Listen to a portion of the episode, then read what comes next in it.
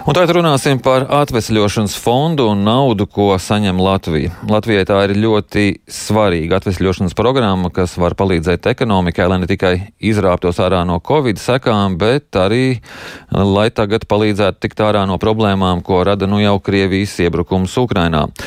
Un par to šajā rītā izvaicāsim Eiropas komisijas priekšstādātājs izpildvietnieku Valdi Dambrovski. Labrīt! Labrīt! Pirms sākam runāt par atvesļošanas fondu, vēl jautājums par šorīt notiekošo. Jums pa ceļam uz rādio sanāca manīt bruņotus karavīrus un militāro tehniku? Nē, neko nemanīju. Uzzināju no radio ziņām, ka tāda lieta notiek. À, tad jūs bez, bez liekiem satraukumiem ieradāties. Vasarā Latvija nosūtīja Eiropas komisijai pieprasījumu izmaksāt finansiālo atbalstu no atvesļošanas fonda vairāk nekā 200 miljonu eiro apmērā. Cik tālu Eiropas komisija ir tikusi ar šī pieprasījuma izskatīšanu? Izskatīšanu? Uh, jā, tātad Eiropas komisija šo uh, pieprasījumu ir uh, izskatījusi, un uh, faktiski uh, šodien uh, šis maksājums 201 miljonu eiro apmērā tiks veikts. Šis ir pirmais kārtējais maksājums, ko Latvija saņem ekonomikas atjaunošanas noturības plāna ietvaros. Kopējais plāna apjoms ir nedaudz virs 1,8 miljardiem eiro. Tātad līdz šim Latvija ir saņēmusi 237 miljonus priekšfinansējumu, un šis ir pirmais kārtējais maksājums 201 miljonu eiro apmērā. Tātad var teikt, ka šodien Latvija saņem pirmo uh, lielo maksājumu. Tie, tieši tā. Un, turpmākie maksājumi būs saistīti ar tālāku tātad, reformu un investīciju plānu īstenošanu. Jo kā teiksim, šis ekonomikas atjaunošanas noturības plāna finansējums tiek izmaksās tātad, atbilstoši tam, kā tiek īstenotas plānā paredzētās reformas un investīcijas. Mm -hmm. Un kā tās notiek? Jo saprotu, ka uh, kaut kāds pamats jau bija, uh, lai izmaksātu piešķirt šo naudu, tāpat jau neiedeva. Tieši tā, tad katram maksājumam ir noteikts uh, sasniedzamo uh, mērķrādītāju uh, kopums, kas ir uh, jāīsteno valstī. Tad šajā gadījumā priekš uh, pirmā maksājuma tie bija deviņi uh, pasākumi, kas Latvijai bija jāīsteno. Un uh, katram maksājumam tā tad ir uh, konkrēti šie sasniedzamie mērķi un rādītāji, un ja tie tiek sasniegti, tad uh, dalību valsts var saņemt šo finansējumu. Kas ir tie šie deviņi pasākumi, ko Latvija ir paveikusi? Tātad šajā gadījumā tie galvenie pasākumi saistās ar teiksim, normatīvās bāzes uzlabošanu saistībā ar īres dzīvokļiem un kopumā tātad mājokļa pieejamības uzlabošanu tieši tā saka, tādā pieejamā īres sektorā. Tāpat garantētā minimālā ienākuma sistēmas pārskatīšana, paredzot, piemēram, ikgadēju indeksāciju, arī šī pabalstu pakāpenisku paaugstināšanu līdz 20% no mediānas ienākuma, virkni citu pasākumu. Tātad šeit pamatā ir runa par nu, tādiem reformu pasākumiem.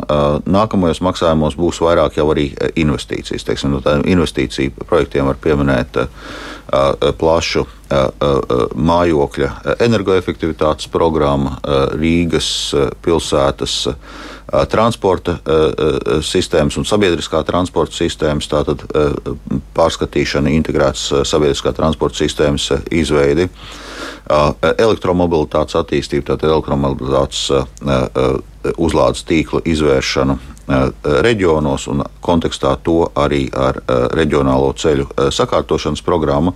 Līdz ar to nu, šie investīciju mērķi ir ļoti dažādi. Tas, kas bija noteikts no Eiropas Savienības puses, ka vismaz 37% no plānā paredzētā finansējuma ir jāizmanto ekonomikas zaļai transformācijai, tad saistībā ar emisiju samazināšanu un zaļo kursu, un vismaz 20% ekonomikas digitalizācijai. Viss tas, ko jūs uzskaitījāt, attiecās tagad uz šo naudu, ko šodien saņems, jeb uz to gan arī diviem miljardiem, ko jūs nosaucāt. Jā, tos, tos, tos sākotnējos reformu mērķus, ko es nosaucu, tie attiecās uz šodienas maksājumu. Tātad uh, Eiropas komisija izvērtējas Latvijas maksājumu pieprasījumu un secinājusi, ka tie uh, mērķi ir sasniegti un attiecīgi Latvija šo maksājumu saņems. Uh, tālākais viss arī, ko dažādiem šiem investīciju projektiem stāstīja, tas attiecās kopumā uz uh, visu plānu. Mm -hmm. Būs kaut kāda kontrole? Kontrole šeit ir ļoti stingra. Pirmkārt, pašām dalību valstīm ir jāizveido savas audita un kontrolas sistēmas. Otrkārt, arī Eiropas komisija veids, protams, šo maksājumu pārbaudi, kā jau minēju, izvērtējot, vai tie mērķi, kas plānā bija paredzēti, tiešām ir sasniegti. Tāpat arī Eiropas auditoru palāta šo līdzekļu izmantojumam ļoti stingri seko. Tā kā jāsaka, kontrole par šo līdzekļu izmantojumu ir ļoti stingra. Mm -hmm. Jūs ieskatāt, cik lielā mērā tagad šī nauda, iespēja šīs, šo naudu ieguldīt, var palīdzēt tikt pāri tām ekonomiskajām grūtībām, ar ko šobrīd mēs saskaramies un kuras būs vēl priekšā?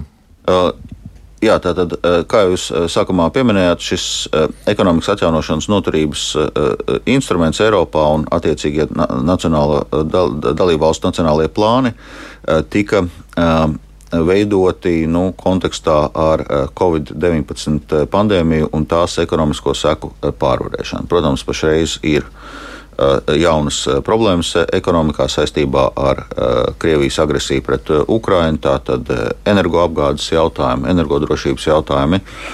Līdz ar to tas, ko mēs esam piedāvājuši no Eiropas komisijas puses, pirmkārt, paredzēt papildus finansējumu tieši šo energodrošības jautājumu un energo neatkarības no Krievijas visu šo jautājumu risināšanai. Tie Eiropas Savienības līmenī ir papildus 20 miljārdi eiro, un tieši šonadēļ finanšu ministri Ekofina sanāksmē panāca vienošanās par, par šo programmu. Tāpat mēs piedāvājam dalību valstīm attiecīgi veidot savos ekonomikas atjaunošanas noturības plānos jaunu sadaļu, tā saucamo Repower EU sadaļu, kas ir tieši saistīta ar šiem energodrošības eh, jautājumiem. Un, eh, faktiski man šodien ir paredzēta arī eh, tikšanās ar, ar finanšu ministru, ar ekonomikas ministrijas pārstāvjiem, kur viens no jautājumiem tieši kā Latvija gatavojās tātad, iekļaut arī ekonomikas atjaunošanas noturības plānā šos energo neatkarības jautājumus. Vēl precizēju, tad iekļaujot šajā plānā šos, šīs Krievijas radīto problēmu pārvarēšanu, būs papildu nauda, ja vienkārši šo piešķirto naudu varēs brīvāk izmantot. Jā, tā tad, kā jau minēju, ir piešķirta papildus Eiropas Savienības līmenī 200 miljārdi eiro. Ja nemaldos, tur nu, konkrēto sadalījumu starp dalību valstīm mainīja. Ja nemaldos, tas, par ko pašreiz finanšu ministri ir vienojušies, ka Latvijai no tā būtu 123 miljoni eiro. Un tāpat ir ekonomikas atjaunošanas noturības instrumentā vēl ļoti liels neizmantoto aizdevumu apjoms. Jo, piemēram, arī Latvija ir paprasījusi tikai grantu daļu, šo 1,8 nedaudz vairāk miljardus eiro. Eh, bet ir pieejams vēl eh, arī eh, liels finansējums aizdevumu veidos. Tātad kopumā Eiropas Savienībā tie ir vēl 225 miljardi eiro, kas, ir, kas nav izmantoti no šiem ekonomikas atjaunošanas noturības instrumenta aizdevumiem. Mm -hmm. uh...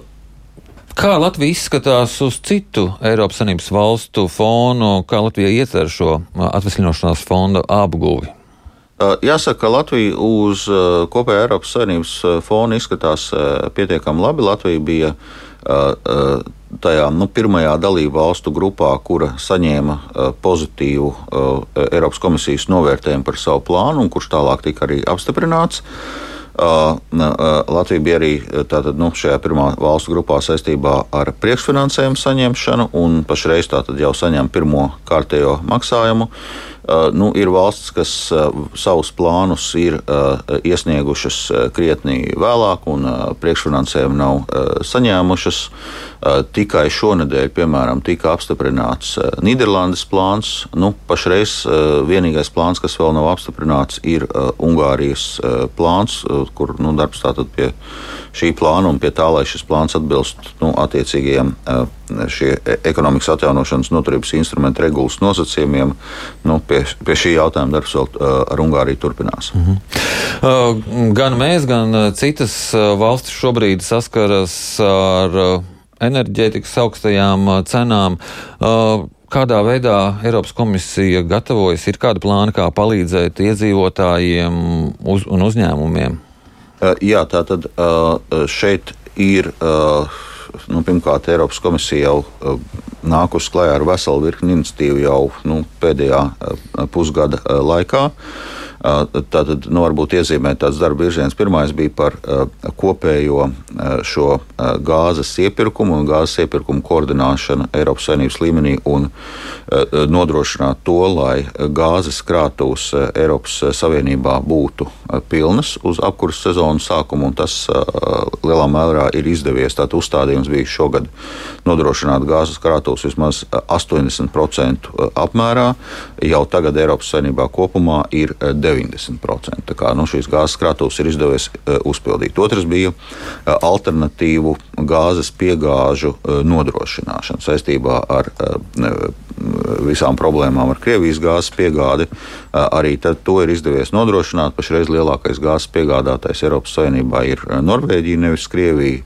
ASV ir strauji kāpinājuši savu piegāžu apjomu, tāpat mhm. citas valsts, Alžīrija, Azerbaidžāna tā tālāk. Tad, tas, tas, tas bija viens jautājums bloks. Otrs jautājums bloks saistībā ar augstajām elektrības cenām. Tur tā tad ir priekšlikumi gan attiecībā uz nu, enerģijas pieprasījuma mazināšanu, šie dažādie taupības pasākumi, kas, kas tiek īstenot, tā skaitā pieprasījuma mazināšana pīķa stundās, jo tas nu, teiksim, elektroenerģijas biržās tieši dzēna uz augšu cenu. Uh, un ir uh, paredzēts arī uh, nu, tāda vienreizēja nodeva no fosilā kurināmā sektora un arī ieņēmumu griesti tiem uh, elektroenerģijas ražotājiem, kuriem nu, izmaksas ir zemākas. Jo pašreiz faktiski mm. elektroenerģijas cenas ir piesaistītas dabasgāzes cenām. Tātad, un, nu, tas, kas ir paredzēts, ka visus šos papildus ieņēmumus, ko dalību valsts šādā veidā varēs iekasēt, eh, tās varēs arī novirzīt dažādu atbalsta pasākumu eh, finansēšanu. Mm. Nu, mēs zinām, ka eh, Latvijā ir arī pieņemta apjomīgi atbalsta pasākumu gan iedzīvotājiem, gan uzņēmējiem saistībā ar šīm augstajām enerģijas cenām, bet tas dotu arī papildus ieņēmumu avots dalību valstīm šos dažādos pasākumus finansēt. Mm. Man jāsaka, paldies par šo sarunu. Atgādinu, ka mūsu studijā bija Eiropas komisijas priekšstādātājs izpildu vietnieks Valdis Dambrovskis. Paldies! Paldies!